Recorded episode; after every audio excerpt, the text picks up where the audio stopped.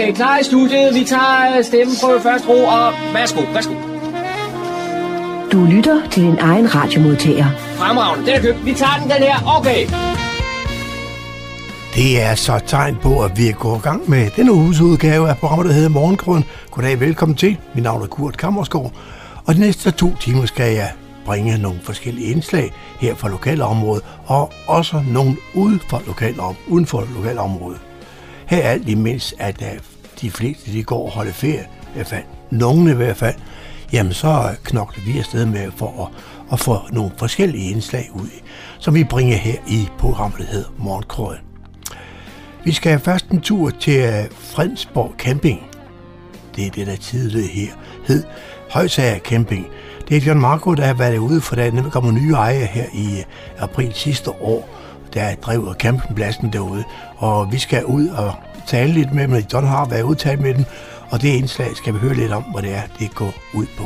Også i forbindelse med navneskiftet til Fredsborg Camping. Det har vi først her i udsendelse. Og hvad har vi så mere? Jo, vi har også været på lidt uh, ferieinspiration til, kan man sige, hvis andre, der skal på det her ø-hop, som man kan i øjeblikket. Vi var en tur på, uh, på Ærø, og skal ned på den der gamle øh, sejlskibsmuseum, der ligger derovre. Og der har vi talt med en af vores øh, forhåndværende medarbejdere, som har boet her i Fredsborg gennem rigtig mange år, Bjørn Hansen. Han, er, han arbejder som noget frivillig nede, og han er, fortæller os lidt om, om øen og dens mærkelighed og dens særhed, og det skal vi høre her i formiddag. Vi har også været en tur, eller rettet sig noget, siger så penge vi. Det er så ikke mig i hvert fald, men det er John Marco har uh, være en tur ned på Niveau Strandpark. Han var åbenbart ude, kan man sige, og skulle have lidt solskin. Der har han mødt en øh, uh, livredder der fortæller lidt om jobbet, det er ved at være livredder, hvad det kræver. Det skal vi høre også mere om. Vi skal også have noget nyt her fra Humleborg. I ved, vores hjemmeside, radioens hjemmeside, der hedder humleborg.dk. Der er forskellige nyheder daglige, og dem har Daniel kigget lidt på, og dem kigger vi også lidt med, for lige overskrifterne med nogle af dem i hvert fald. Hvad har vi så mere? Jo, vi vil også være på en rund, kan man sige, en rundtur, en rundturisttur øh, øh i det midtjyske, sådan til lidt bare for inspiration for andre, hvis man skulle komme på de kanter disse tider, hvor rigtig mange holder ferie lidt op i Danmark. Der har vi øh, blandt andet besøgt Viborg Domkirke, hørt lidt om den, og så har vi besøgt Mønsted Kalk, Kalkgruppe og hørt lidt om, hvad det er for noget, hvad historien er blandt bag ved det. Det skal vi også høre her i løbet af formiddagen. Så har John Marco på at være på besøg ude hos Sina Langhoff ude på Langstrup Lund Rideskole. Og det har han i forbindelse med, at nu Rideskolen snart eksisterer i 40-20 år, og Sina, hun er fyldt snart 90 år. Så øh, der vil sikkert blive en hel masse at fortælle og snakke om der. Det har vi her også sidst i udsendelsen. Så øh, der bliver nok at lytte til. Så vi kan kun sige god fornøjelse de næste to timer. Husk at øve, hvis det kniver med at få det hele med i dag, fordi man er nødt til at skal afbryde en eller anden ting, eller man kommer senere ind, så kan det hele genhøres i morgen mandag mellem klokken 18 og klokken 20. God fornøjelse.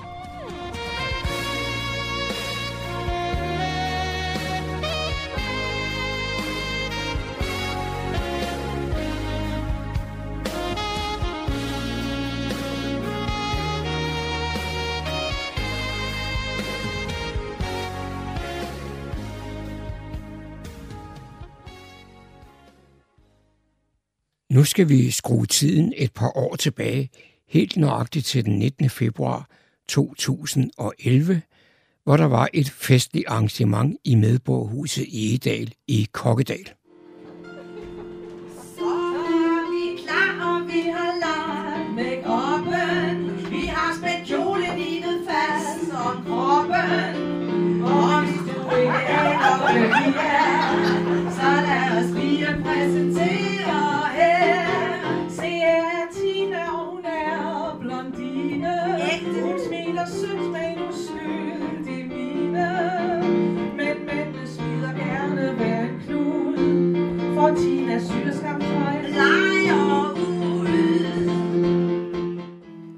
Den 19. februar havde medborgerhusforeningen Egedal arrangeret Bakkens Hvile. Det var to piger, to syngepiger fra Bakkens Hvile, nemlig Tina Grundvald og Karen Marie Lillelund, der underholdt, så der ikke var et øje tørt. Og Karen Marie, hun er egentlig taler, så det med kropssprog volder ingen kvaler. Hun hiver barmen op som siger på nordligt jysk, så var ret til. På Bakkens Hvile er der jo den tradition, at hvis en blandt publikum giver en omgang, ja, så synger man Solskin kan man altid finde. Og det gjorde man også her på Egedal.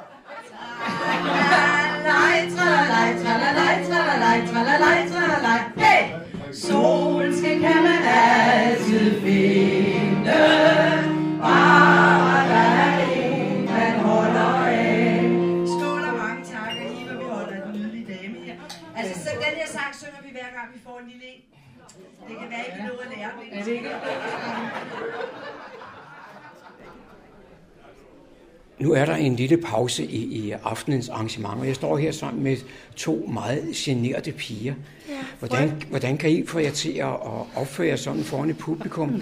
Sådan to små, øh, Små hvad? små sarte størrelser. Ja, hvad, hvad mener du med opføre os sådan? Ja, det vil jeg også gerne lige vide. Altså, generer det og generer det. På hvilken måde mener du, vi generer det? Ja, Når I står her, så tør dårligt nok at kigge på mig, når I er derinde, så er det ligesom om, at I, I går til. ikke. Ah, det er lidt også privat at stå her sammen med dig i et rum, hvor der ikke er andre, må man sige. Derinde kan de jo se alt, ikke? Der er jo en årsag til, at ude på Bankens Hvile har vi sådan en lille bitte stakit, der skiller os fra publikum. Så øh, bliver vi ikke så bange. Så tør vi give den gas. Det er tre kvart alen højt. I, I er bange for, at sig mandfolkene skal overfalde jer? Ja, eller? ja, det er vi jo. Du kan jo mærke det på dig selv, Ja. men de bliver vilde i varmen. Og det er sjovt, fordi det, jeg sagde med blodtrykket før, det, det er ligesom om, det er ved at ændre sig. Er det det? Jeg blev også lidt mere bleg nu, vil jeg sige. Men øh, hvad skal aften, resten af aftenen foregå? Hvad, Jamen, vi skal da synge nogle skønne viser, sådan som vi har gjort. Og Det skal vi. Jeg øh, skal synge en Cleo-sang, blandt andet. Ja. Og noget andet lidt lækkert. Frækt, Ja. ikke? Ja. Og så skal vi mundre os med publikum, og det ser ud som om, at det vil publikum gerne være med til. Og så kan vi ikke rigtig få bedre, må vi så sige. Det ikke? kan vi ikke. Det er så Når de har lyst til at være med. Ja. Det er meget sjældent, at der er folk, der melder sig til at danse kankang lige med det samme. Det må man der sige. var de på banen. Der kan man godt være stolt af at komme fra Egedal og Opland lige Det må der. man sige. de fleste af de ting, I, I synger derinde, det er jo gamle kendinge. Men der var også noget nyt. Ja, men det er der også altid. Du mener, den Karen Marie har skrevet til sig selv? Ja. Til sig selv. ja, men altså, der skal jo komme noget nyt i Bakkens Hvile, ikke? Og vi kan jo ikke... Altså, når man sådan kigger på de gamle, så må man jo forny sig, hvordan øh, verden ser ud i dag. De skal også have det gamle. Men det er lidt ligesom at gå til bryllup, ikke? Det er også det der nyt og gammelt og lånt Ja, og blåt ja, og alt sådan noget. lige præcis. Sådan er Bangens Hvile også et skønt samsøger med det hele. Jeg er en af bakkens sangerinder, de fromme kvinder, der nu forsvinder. Ach, du er jeg mange, mange mile fra bakkens hvile og Peter Lips. Jeg er en fremmed fugl, en lille og en glad aften i Bakkens Hvile får jo naturligvis også en ende. Og her der synger pigerne den traditionsbundne Køb blomster. Ja, det er håndarbejde, hvis man En som i En som i staden står hun det skin Spejder i gaden så bitter af sind Bøjet af sår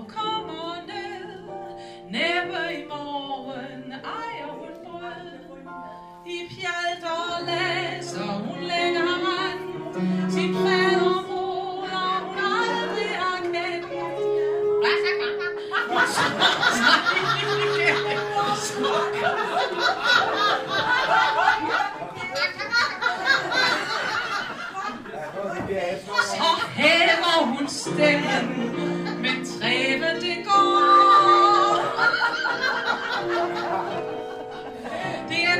At de skal kaste op og synge med samtidig. Og jeg kan se, at I er i tvivl, er der et strømpebånd herinde under? Nej, det er der ikke. Til gengæld har jeg åbnet Sparkas Nordjylland. Den har døgnåben. Og jeg har, som I kan se, fået begge bankpakker med i dag.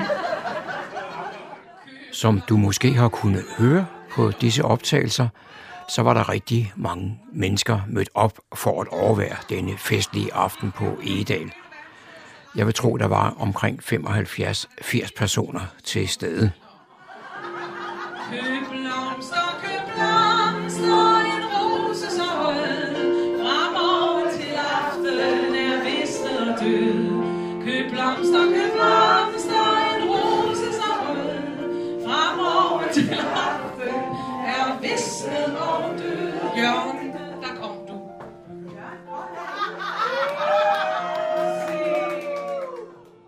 Det var John Marco, der havde produceret dette indslag.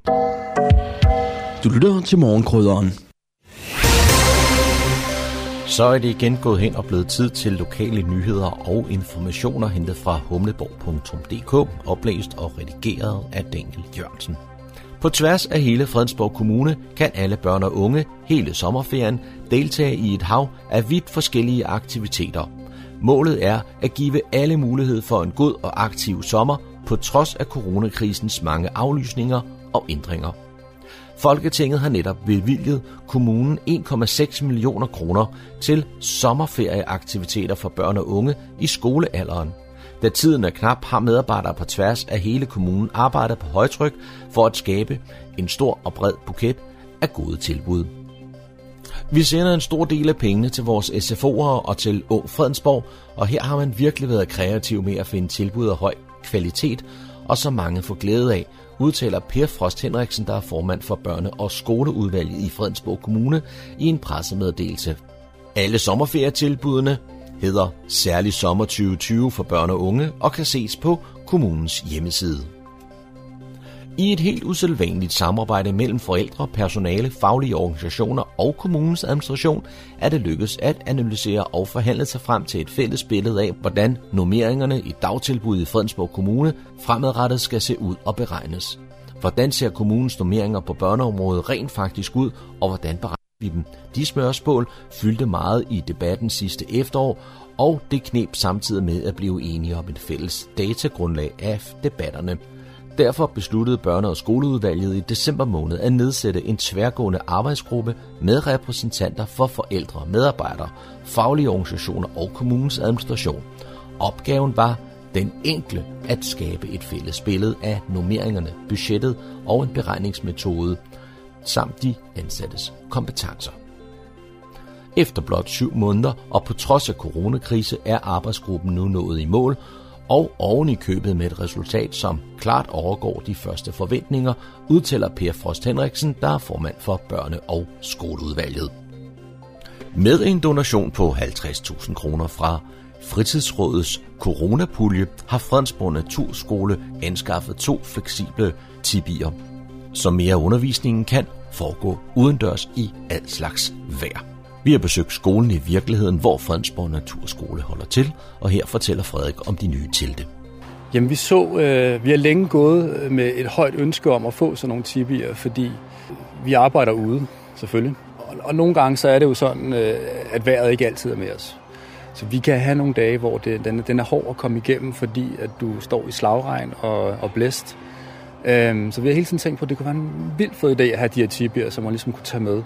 De er relativt nemme at slå op, øh, og du kan have en klasse stående inde under med, ved nogle borer, og de kan stå og kigge på smådyr, de kan stå og lave mad, de kan stå og øh, lave opgaver osv. Så, så, så, så på den måde, der, øh, der giver det bare en mulighed i vores hvad kan man sige, formidling, at man har et rum, som man kan tage med sig. Og, øh, og det her med det mobilt er et kæmpe potentiale. Det fortalte Frederik fra skolen i virkeligheden til vores reporter John Marco. Det var, hvad vi havde fundet frem af lokale nyheder og informationer for denne gang, oplæst og redigeret af Daniel Jørgensen.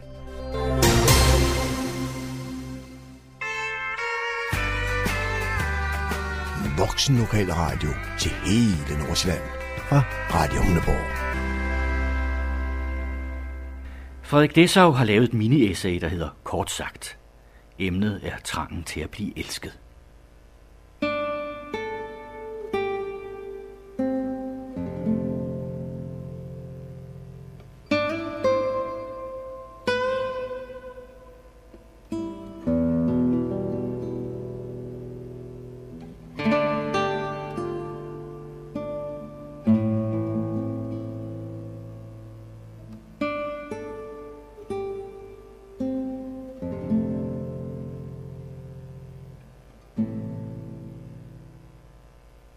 Hvis vi fødes med en naturlig evne til at udrette noget, så er det ikke nogen udtømmende forklaring på, hvad der får mennesker til at vælge en tilværelse, som kræver, at de hver morgen adlyder et vækkeur og forlader deres varme senge for at skynde sig på arbejde i alt slags vejr og humør. Selv med udsigt til kaffe eller te og til den løn arbejdet indbringer, må det være dybere liggende kræfter, som driver en så besynderlig adfærd. Det skulle vel aldrig være ønsket om at blive elsket. Til forskel fra dyrene fødes vi med en praktisk afhængighed af vores voksne ophav, og at blive set, opfattet, accepteret og om muligt elsket af en mor eller far eller af deres stedfortrædere, må formodes at være et medfødt behov hos menneskebarnet. Er det ikke nærliggende, hvis man antager, at det styrer vores liv, også efter at vi er blevet uafhængige af forældres omsorg, endda længe efter at de er døde? Behovet søger med tiden andre veje, og det kan give sig andre udtryk. Men formodningen om, at vi har en grundlæggende trang til at blive elsket af en mor og en far, og af de forældrelignende instanser, som vi opretter i vores indre i deres sted, giver en ganske tilfredsstillende forklaring på mange af vores motiver og valg og vurderinger. Godt skjult kan de være, eller kamufleret, forklædte, forskudte eller forvredne. På bunden ligger ønsket om at blive værdsat og anerkendt og allerhelst elsket. Omsat til arbejdslivet giver det sig udslag i noget så simpelt som et behov for at blive respekteret og muligt påskyndet som den man er. Et moderne managementsprog er fyldt til brækpunktet med klichéer om trivsel og motivering og synliggørelse. Men hvor mange arbejdsgivere og virksomhedsledere beskæftiger sig for alvor med den enkelte ansattes behov for at blive opfattet i sin egen virkelighed, og hvor stor forståelse vises der for, at det skabende er det, et menneske gør, ud fra det, det er. Når man fylder 18, er man myndig og må gifte sig uden at spørge andre end den, man elsker. Og er man en rigtig mand, kan man trække sig i uniform og lære at dræbe dem, man får besked på at hade. Hvor mange ansatte bliver nogensinde myndige i deres arbejdsliv, hvis man ved myndighed forstår at indgå i den helhed, man er en del af, både med sine følelser og sin forstand.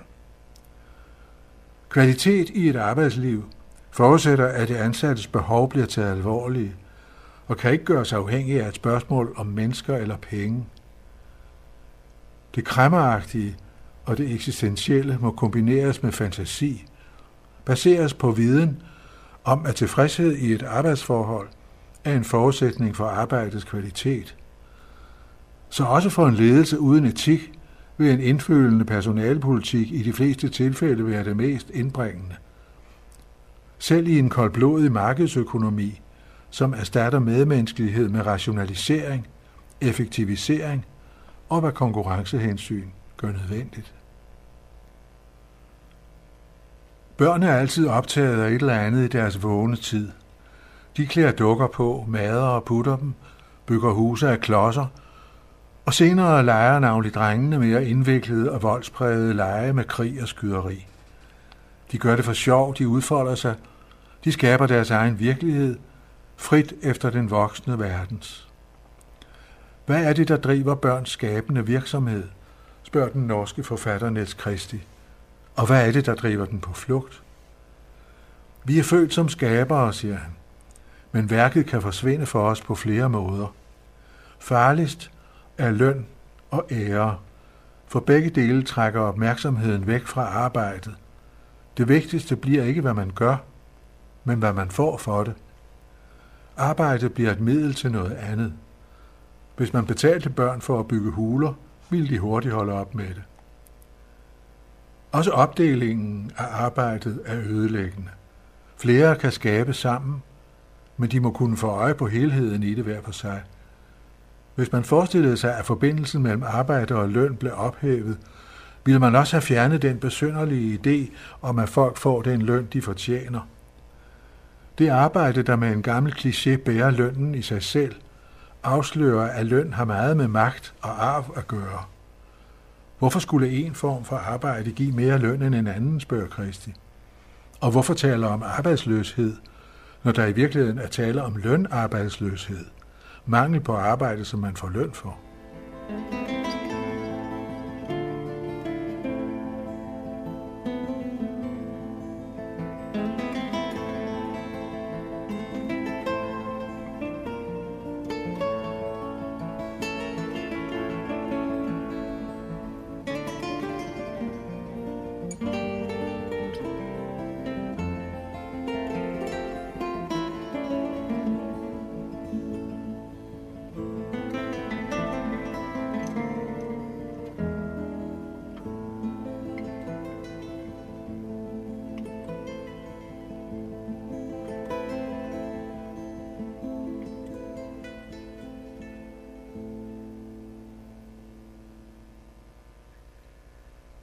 Du hørte Frederik Dessau's essay, kort sagt.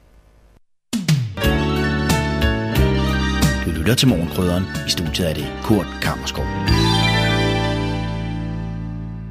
Jeg sidder her i en lejlighed i Humlebæk-centret og er gået indenfor hos Reds Downey.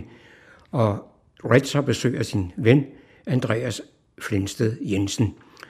Og vi skulle måske lige starte med dig, Andreas, at du kunne få lov til at, at præsentere dig. Ja, goddag. Jeg hedder Andreas, som sagt, og øh, jeg er jo fra...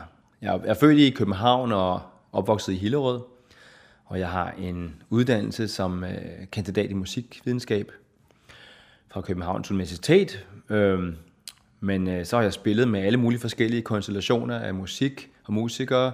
En del klassisk musik. Jeg har spillet mange år med en øh, violinist, der hedder Michael Høj, som nogen måske kender øh, og øh, med andre violinister og andre, øh, øh, en fløjtespiller blandt andet, spiller jeg en del med, øh, gør stadigvæk, som hedder Tine Karl Andersen, og vi tager også rundt rigtig meget og giver koncerter. Øh, ja, og så har jeg en lille kolonihave i Hillerød, det er også meget hyggeligt, så jeg kan godt lide at, at bruge tiden også på at, at lave noget, noget grønt og få nogle ting til at vokse og gro. Så det har jeg brugt meget af den senere tid på i hvert fald. Alright, hvem er du? Ja, jeg hedder Red som sagt jo, og så jeg er en kanadier, der er gift med en dansk pige, der hedder Eva, og vi bor her i Humlebæk, og uh, vi har fire voksne børn, der bor her over os. Og um, ja, uh, jeg har kommet til Danmark først, da jeg var en ung mand med et gospelkor, og uh, blev lidt forelsket i Danmark, og mødte min, var blevet mine svigerforældre, og uh, så kom jeg tilbage to år efter, og opdaget, at det har haft en flot datter, jeg er blevet forelsket i, og så nu er vi blevet gift i mange år, og øhm, ja, yeah. har været frisør i mange år også, ud over musik, og har været, øh, jeg har er klassisk uddannet som sanger, øh, ja, og har bare sunget i rigtig mange år. Men øh, grunden til, at vi, vi mødes her hos, hos dig, Rich, det er jo, at øh, Andreas og dig, I laver musik sammen. Det gør vi. Hvil, hvilken slags musik er, er, er der tale om? Hold op. Jamen, det er meget, det vi har lidt svært ved, men det er noget, vi har havnet på, det hedder feel good pop, fordi øh, vores musik kan godt være lidt, kan være lidt Celtic, eller hvad hedder det, uh, eller det kan være lidt uh, musikersagtigt, eller det kan være pop, og det kan være Ja, Andreas, hvad vil du sige? Hvad andre slags musik har vi? Uh, næsten pop classic. Det ved jeg ikke. Det er rigtig bredt. Vi har også lidt gospel. Vi har ligesom en, en, virkelig en blanding uh, af musikstil. Men uh, alligevel noget, der ligesom havner som vores stil, ikke? Um, ja. Og på jeres visitkort, som jeg sidder med her, der er I afbildet i en kirke i, i København. Det er rigtigt. Vi fik taget nogle billeder inden inde ved Sankt Hans Torv, en dejlig kirke derinde. Og øh, vi spiller af til i kirker. De er nogle gode rum at, at spille i, og der er tit et dejligt publikum at spille for. Øh, så det er nogle gode steder, plus at de har klaver. Jeg er jo pianist, så der har, jeg har brug for et sted, hvor der er et klaver, og gerne et godt klaver, øh, for at kunne få en god, øh, god oplevelse ud af det for publikum. Øh, og øh, der er kirkerne jo rigtig gode til det. Plus at vores øh, stemmer jo også øh, klinger godt i sådan et rum. Hvor mener du, din styrke er inden for musikken? Hvilke genre er det? Mine styrker? Jeg er meget god til ballader. Det synger store ballader. Det er, fordi jeg har en stor stemme. jeg har aldrig sunget opera, men jeg har været fortalt, at jeg skulle have gjort. ligesom nu er jeg, jeg er ikke helt ung mere, men jeg har bare hørt nogle rigtig trænede folk sige til mig, ej, hvorfor har du ikke sunget opera? Men det har ikke interesseret mig særlig meget, men det var slet ikke den del af verden, jeg var en del af, så det, det, det har ikke nogen betydning dengang. Men uh, så jeg kan godt lide at synge store ballader som Bridge Over Troubled Water, or uh, Somewhere Over the Rainbow, or uh, You Raise Me Up. You Raise Me Up er en af sangene, vi synger ret meget. Vi har en musikvideo af den uh, sang, og uh, bare, og så noget af de sange, der som jeg skrev sammen, er nogle sange, der har ligesom er lidt alder derhen, men selvfølgelig er det lidt andre ting, men det, det er mere der, hvor min stemme virkelig har lov til at komme frem.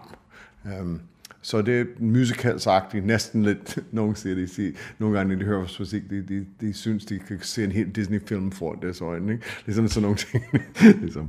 Men ja, det er der, hvor det, uh, det ligger lidt. Spiller du også et instrument? Nej, jeg har meget let klaver. Meget let klaver. Men Andreas spiller som en... Han er bare så dygtig, så jeg, vil, jeg vil ikke engang spille den foran ham.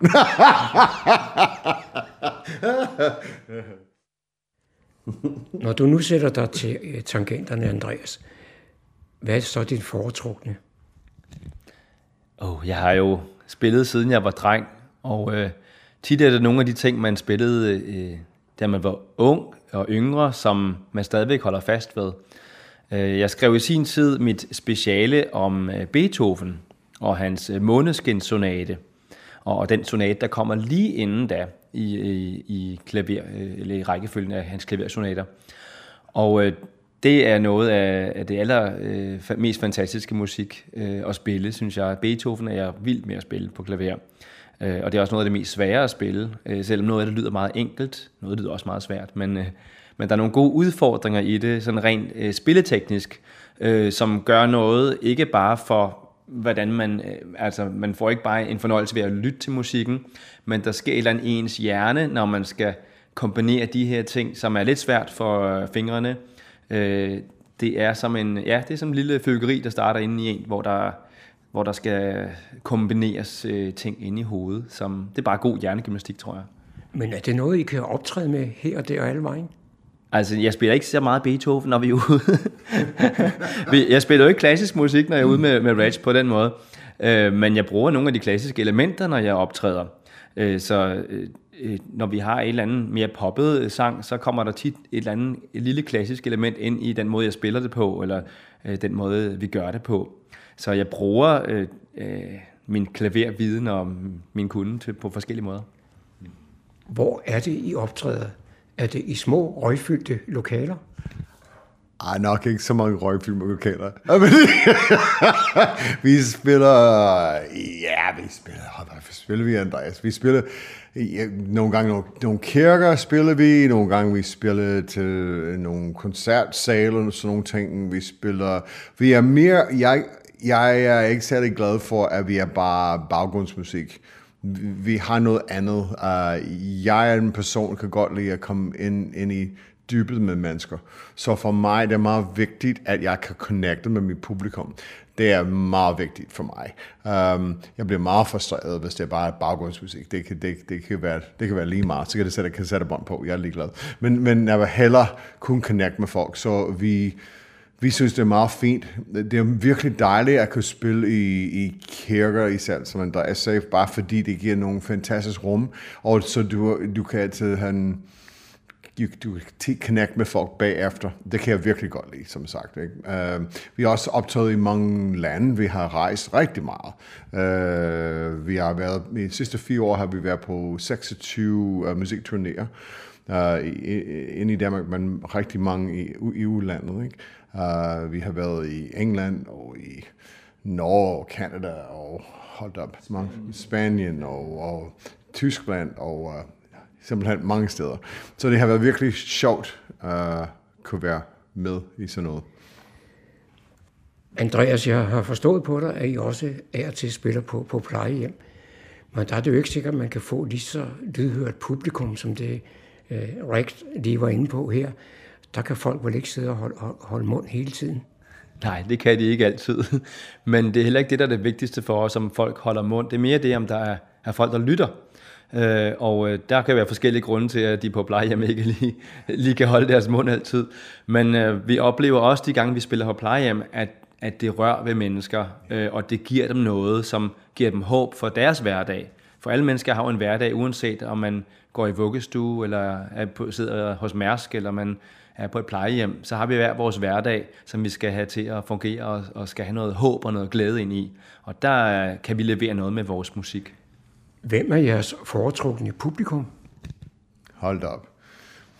Ja, det er ret bredt, fordi uh, vi kan godt spille på uh, skoler. Vi har spillet på forskellige skoler og set børnene og teenagers blive helt op og køre over vores musik og blive helt med. Uh, vi har også spillet, som sagt, på plejehjem, som Andreas sagde, og vi har så spillet på alt muligt imellem. Uh, vi, nu har vi, uh, i den her coronatid, har vi simpelthen haft uh, to uger i ræk, hvor vi holdt hver uge en Facebook live koncert. Uh, og vores publikum var simpelthen over hele verden, men det var rigtig mange kvinder. Det er altså nogle mænd, men der er rigtig mange kvinder, der er meget glade for vores musik. Og vi synes, at vores fans bliver mere og mere kvinder efterhånden, men okay, vi er også to mænd, ikke? Men det var... um, men også mænd, selvfølgelig mænd er også glade for det, men vi bare opdaget... Øh, uh, yeah. Hvad vil du sige? Er det mere end dig? Nej. Du, øh, John, nu har I snakket så meget om den musik, de godt kan lide, og den musik, de synger og spiller. Skulle vi ikke øh, få en lille prøve? Lyt en gang her.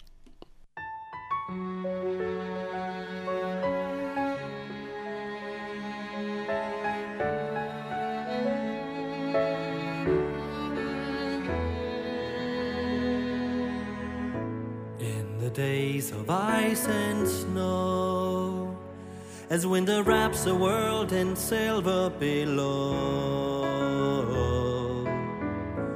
Though it's quiet in the sleeping giant's lair, the branches wait for spring in the air. From the mountains to the sea, from the oceans to the desert, there is brand new life for me. From the earth up to the sky, there is hope in every sunrise. There's another chance to fly. And the fresh new morning sun bursts the fragrance of the bright summer glory. Through the forest I will run and embrace the new and glorious day. From the mountains to the sea, from the oceans to the desert, there is brand new life for me. From the earth up to the sky, there is hope in every sunrise. There's another chance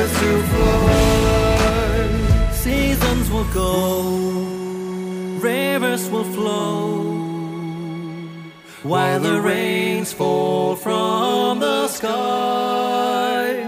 There is a cry. There is a cry from way up high. From way up high. The hope of heaven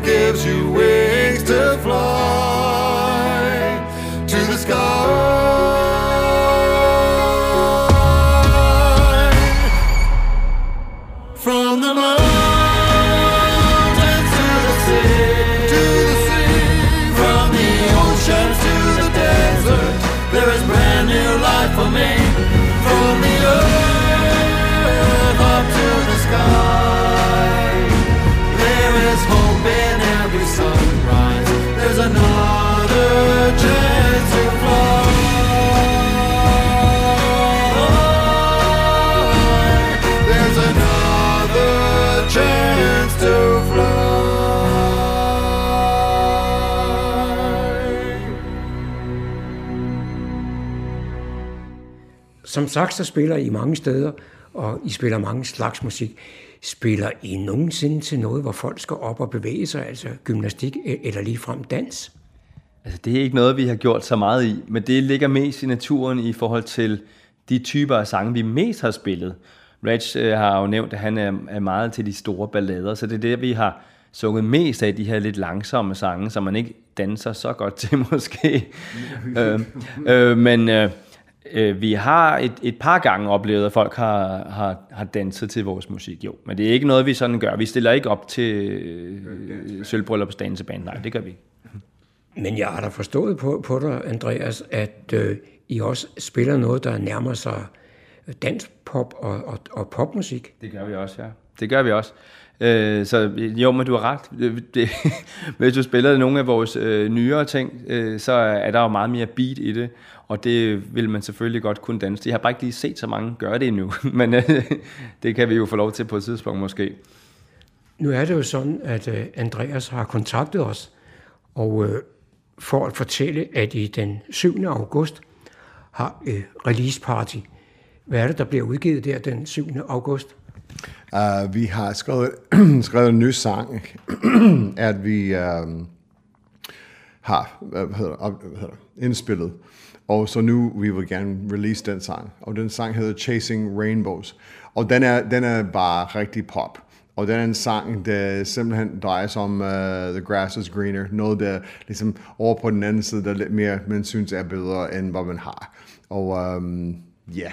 Hvad skal vi sige mere om, om det, Andreas? Jeg synes bare, at den er, at den er en rigtig fed sang, og vi skrev den sammen med vores gode ven, uh, som vores producer, og Rona Bohr, som er meget dygtig, og så sammen vi har skrevet den, og så indspillet den, og vi er meget begejstrede for den. Så den 7. august skal vi holde en, en, en, en release party uh, og om eftermiddag uh, kl. 16.30 i uh, Kulturstationen i Humlebæk, og vi en, vil gerne invitere alle sammen at komme og være med. Uh, vi har haft en release party for uh, seks måneder siden for en anden sang, vi har haft.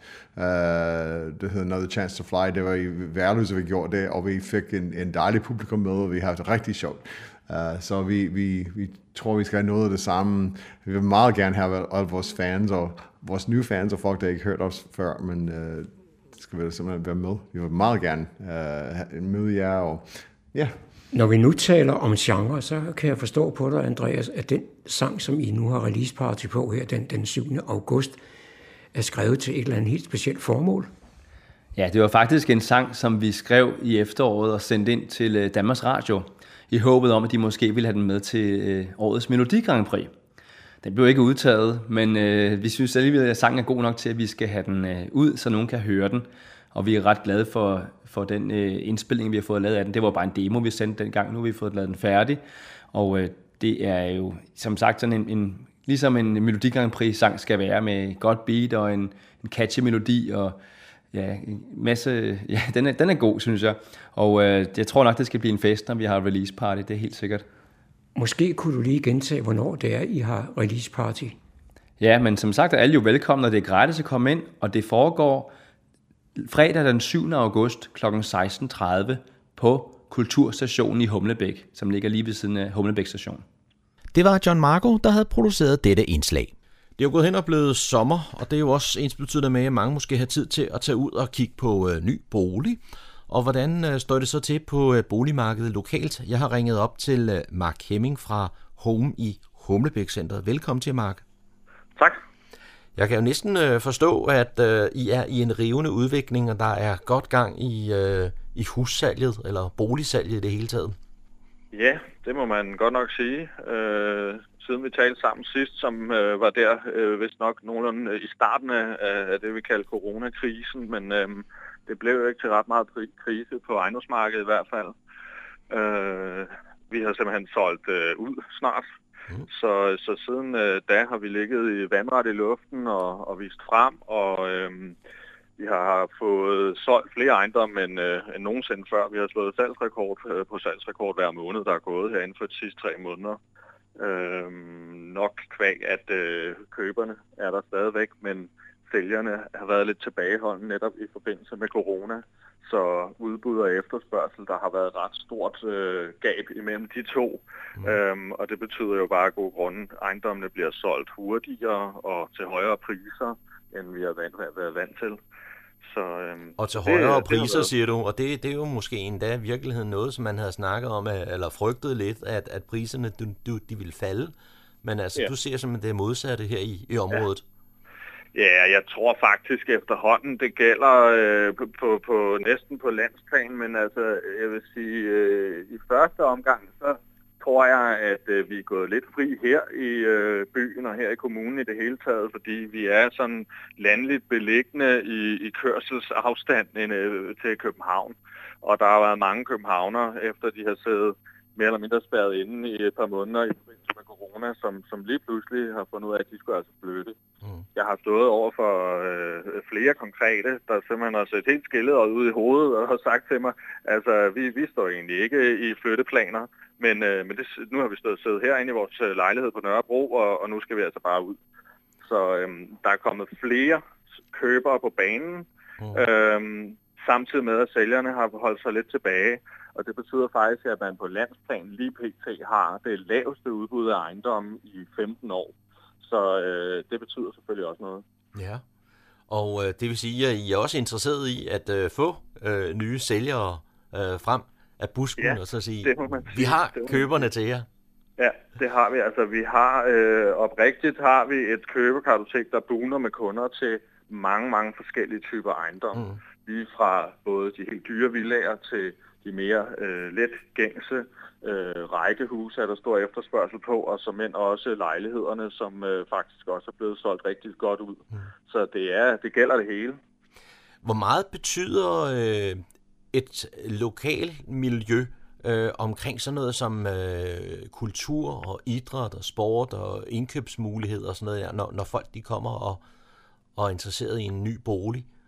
Ja, men det betyder meget jo, altså mm. for folk. Altså, det er jo sådan nogle små ting, der nogle gange kan tiltrække folk. Det er jo meget forskelligt, hvad folk så har af, behov og interesse.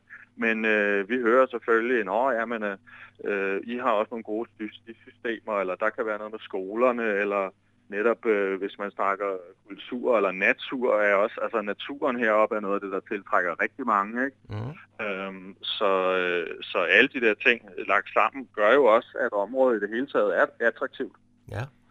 Og, og, og- og jeg tænker også, der er nogen, der sådan siger, åh, oh, det er heroppe Louisiana ligger, eller kan man, ja. øh, kan man have en båd liggende nede i havnen og sådan noget? Øh, Det er vel sådan nogle spørgsmål, I også kan få. Jamen, jamen enig, altså øh, Louisiana er der noget.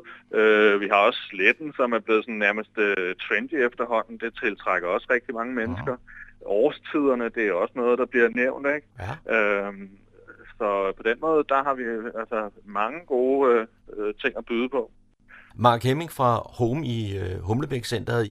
Når man nu øh, som øh, ny køber, huskøber, kommer ud og begynder at se en bolig, så bliver man jo også præsenteret for sådan noget som tilstandsrapport og energimærke og sådan noget. Kan, kan du forklare en eventuel ny, ny køber, hvad, hvad det er for noget? Er det noget, man sådan skal gå op i, eller er det bare øh, noget, der er en del af det? Ja, altså jeg vil sige, øh, hvis man starter med, med energimærkerne, det er jo noget, der skal ligge der, for at vi jo kan få lov til at annoncere en ejendom. Og øh, de, er, øh, de, de er til for ligesom at, at vise, hvor godt er huset til at holde øh, på varmen, og, øh, og hvordan varmes det op i det hele taget. Så der går man ind og kigger på isoleringsforhold, øh, på opvarmningskilden øh, og, og den slags. Øhm, og det, det, siger godt nok, at øh, der kan, kan godt være fejl på nogle af dem, men jeg vil sige overordnet set, øh, så synes jeg egentlig, at øh, de er gode nok i deres indhold. Man skal nok bare tage med et gran salt, øh, om det hedder CD eller E, og hvad det potentielt koster at, at, var, at varme op. Ja. Fordi det er lavet på nogle beregninger, og ikke ud fra faktiske forhold. Og så kan det jo være meget forskelligt, afhængig af hvem der bor i ejendommen. Ja, selvfølgelig. Øh, og, og jeg mener også, at der øh, er nogle anbefalinger til, hvis man kan ændre på noget for at ligesom forbedre energi ja. i, en, i et hus. Ja, og det er jo, det er jo rigtigt. Altså, og der skal man så bare passe på ikke at blive bange for, at hvis der står anbefalinger til forbedringer, at man så tror, at det er sådan noget, man skal gøre, fordi så, så kan man ikke bo i huset. Øh, det er det som en øh, sjældent. Det er mere et spørgsmål om, at hvis man øh, tager udgangspunkt i et, et nærmest et, et perfekt nul-energihus, jamen så øh, kan man lave visse forbedringer for så at få det derop til. Mm. Øhm, så der vil altid i alle energimærker være forslag til forbedringer, om det så er solcelleanlæg eller varmepumper eller øh, ekstra isolering. Og så der kan der jo være nogle øh, udgifter til etablering af sådan nogle ting, som måske i virkeligheden overskygger en udgift til øh, den måde, man, man gør det i Ja. forvejen, Ja. hvor det ikke kan svare sig. Ja, det kan man sige. Det heldigvis, synes jeg egentlig, øh, de fleste ah, efterhånden øh, har nogle rimelig øh, pæne, ordentlige, velisolerede villager. Øh, en sjælden gang imellem kommer vi ud til noget, der ligger lidt uden for den sådan, centrale bymidte, hvor der ikke er nogen varmekilde, og så er der måske en gammel øh, oliebrænder eller noget af den stil i. Det, det kan som regel godt betale sig at skifte, men ellers synes jeg egentlig oftest, at øh, øh, tingene er i orden. Øhm, og så vil jeg bare anbefale, jeg plejer gerne at sige til køberne, bo i huset en sæson, og så ja. se, hvordan det fungerer for jer. Mm. Øh, hvor meget bruger I? Fordi det kan også være meget forskelligt.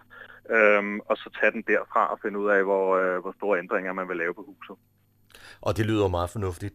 Vi, øh, nu, nu, nu snakker vi lidt om energimærke, og så tilstandsrapport. Det, det er jo også en del af det.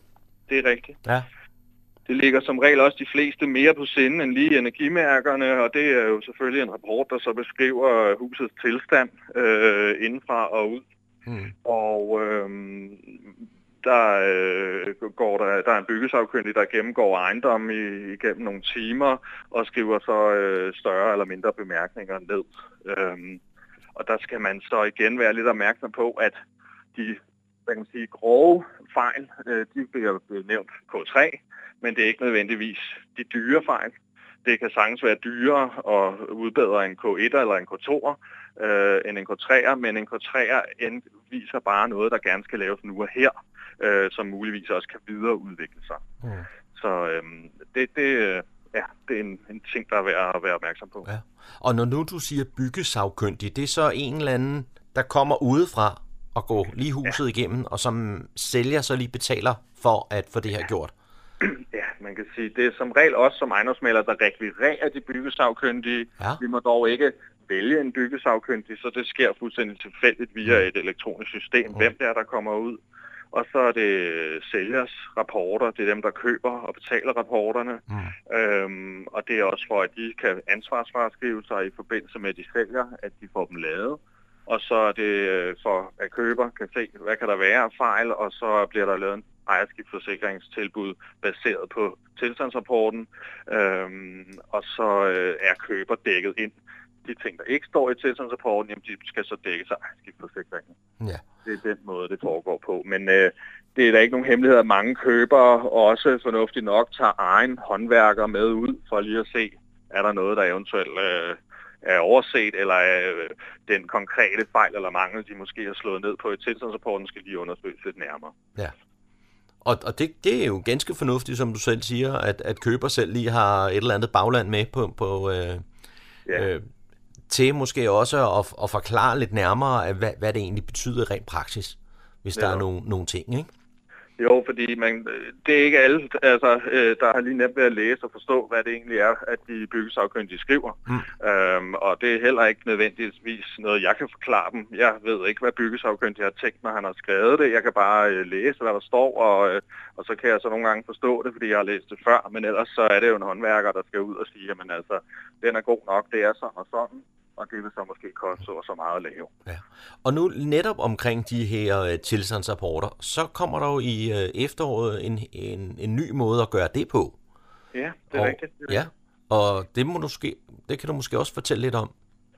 Jamen altså, nu er det temmelig nyt også for mig, men øh, umiddelbart så kan jeg forstå, at man laver, øh, hvad kan man sige, K, øh, 1, 2 og 3 systemet om ja. til farver, mm. som så netop apropos det, jeg lige sagde, øh, ikke øh, nødvendigvis skal indikere, øh, altså grovheden eller, eller for den sags skyld øh, størrelsen på fejlen rent økonomisk, men mere hvornår man skal udbedre. Ja. Altså som jeg har forstået det, så rød farve, det er noget, der skal udbedres nu. Øh, gul, det er vist noget, der godt kan vente lidt inden til en eller anden vis tid, og så er der vist grøn, der så øh, kan vente længere. Så øh, det er sådan en anden måde at gøre det på. Så Det er sådan en det lidt nemmere mere pædagogisk måde måske, ikke? Og så hvis Ja, man det kan sammenligne det sådan med, som, øh, med, med et lyskryds. ja, lige præcis. Det, det er meget rigtigt. Ja. Det, det er sådan, jeg forstår det, ikke? At det, jeg må sige, er mere blevet mærke i, som jeg synes uh, giver god mening, det er, at uh, man vil standardisere uh, de fraser, der så bliver skrevet. Ja. Netop i henhold til det, jeg sagde før, hvor byggesagkyndige måske kan skrive omkring en fejl, og man kan forstå, hvad er det lige præcis, han mener. Mm. Øhm, der, øh, som jeg kan forstå det, så vil man så have nogle faste øh, fraser, der er ens lydende øh, på de fejl og mangler, man nu finder. Og det vil gøre, at sammenligningen med tilstandsrapporterne øh, to ejendomme imellem vil være nemmere for den almindelige menneske at, at læse. Så det ser jeg til gengæld som en positiv ting i hvert fald. Og så kan vi jo vende tilbage til ved en senere lejlighed måske, og, og høre, når det her det er udrullet, hvordan at det så går med det nye system. Ja, det bliver spændende at se. Ja. Mark Hemming fra Home i øh, Humlebæk Centeret. Jeg vil godt øh, vende tilbage til øh, den snak, vi havde tidligere om, at øh, I har solgt rigtig meget her hen over foråret og forsommeren, og der er måske knap så mange, der sætter deres bolig til salg. Øh, ja. Så hvordan øh, regner du med, øh, hvis man skal kigge i øh, krystalkuglen her og, og, og, og spå for sommeren, har I overhovedet noget at tilbyde eventuelt nye købere? Eller hvad vil I gøre for at skaffe boliger til folk?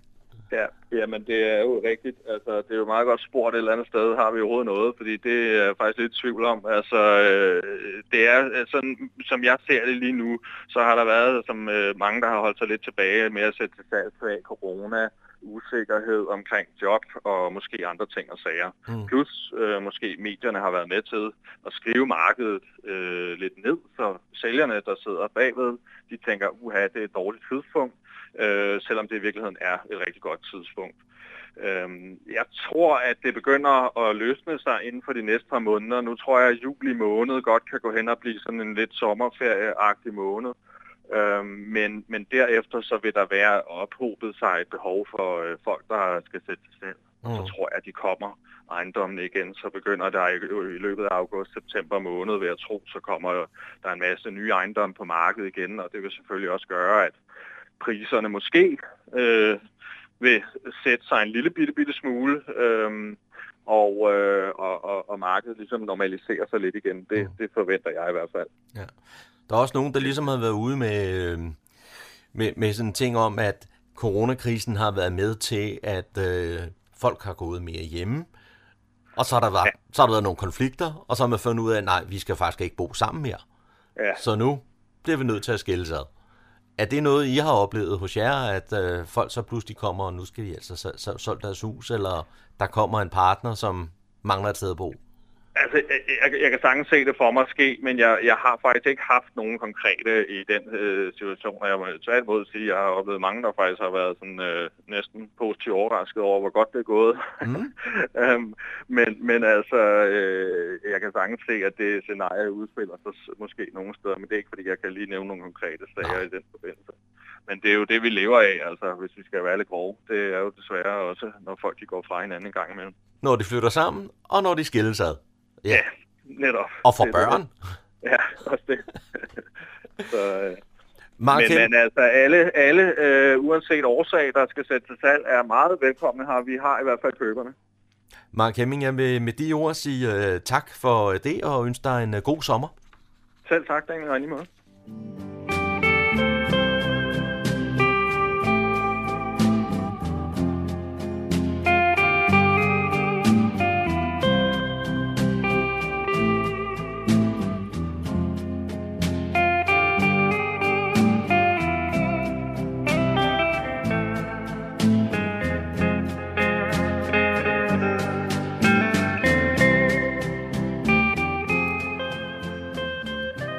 Toner fortæller os, at vi er nået til afslutningen på denne uges udgave af programmet, der hedder Morgenkrøden.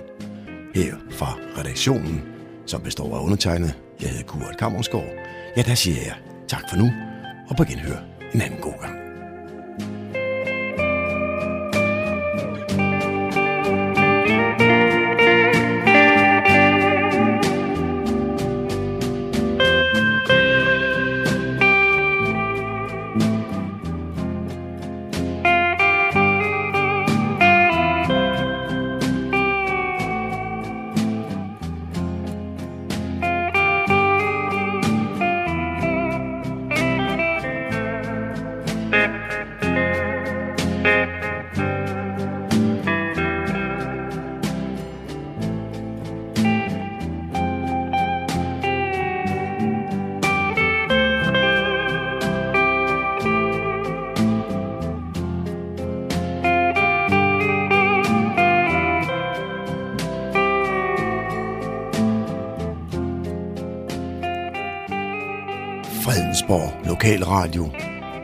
Humleborg, Nordsjællands mest voksne lokalradio.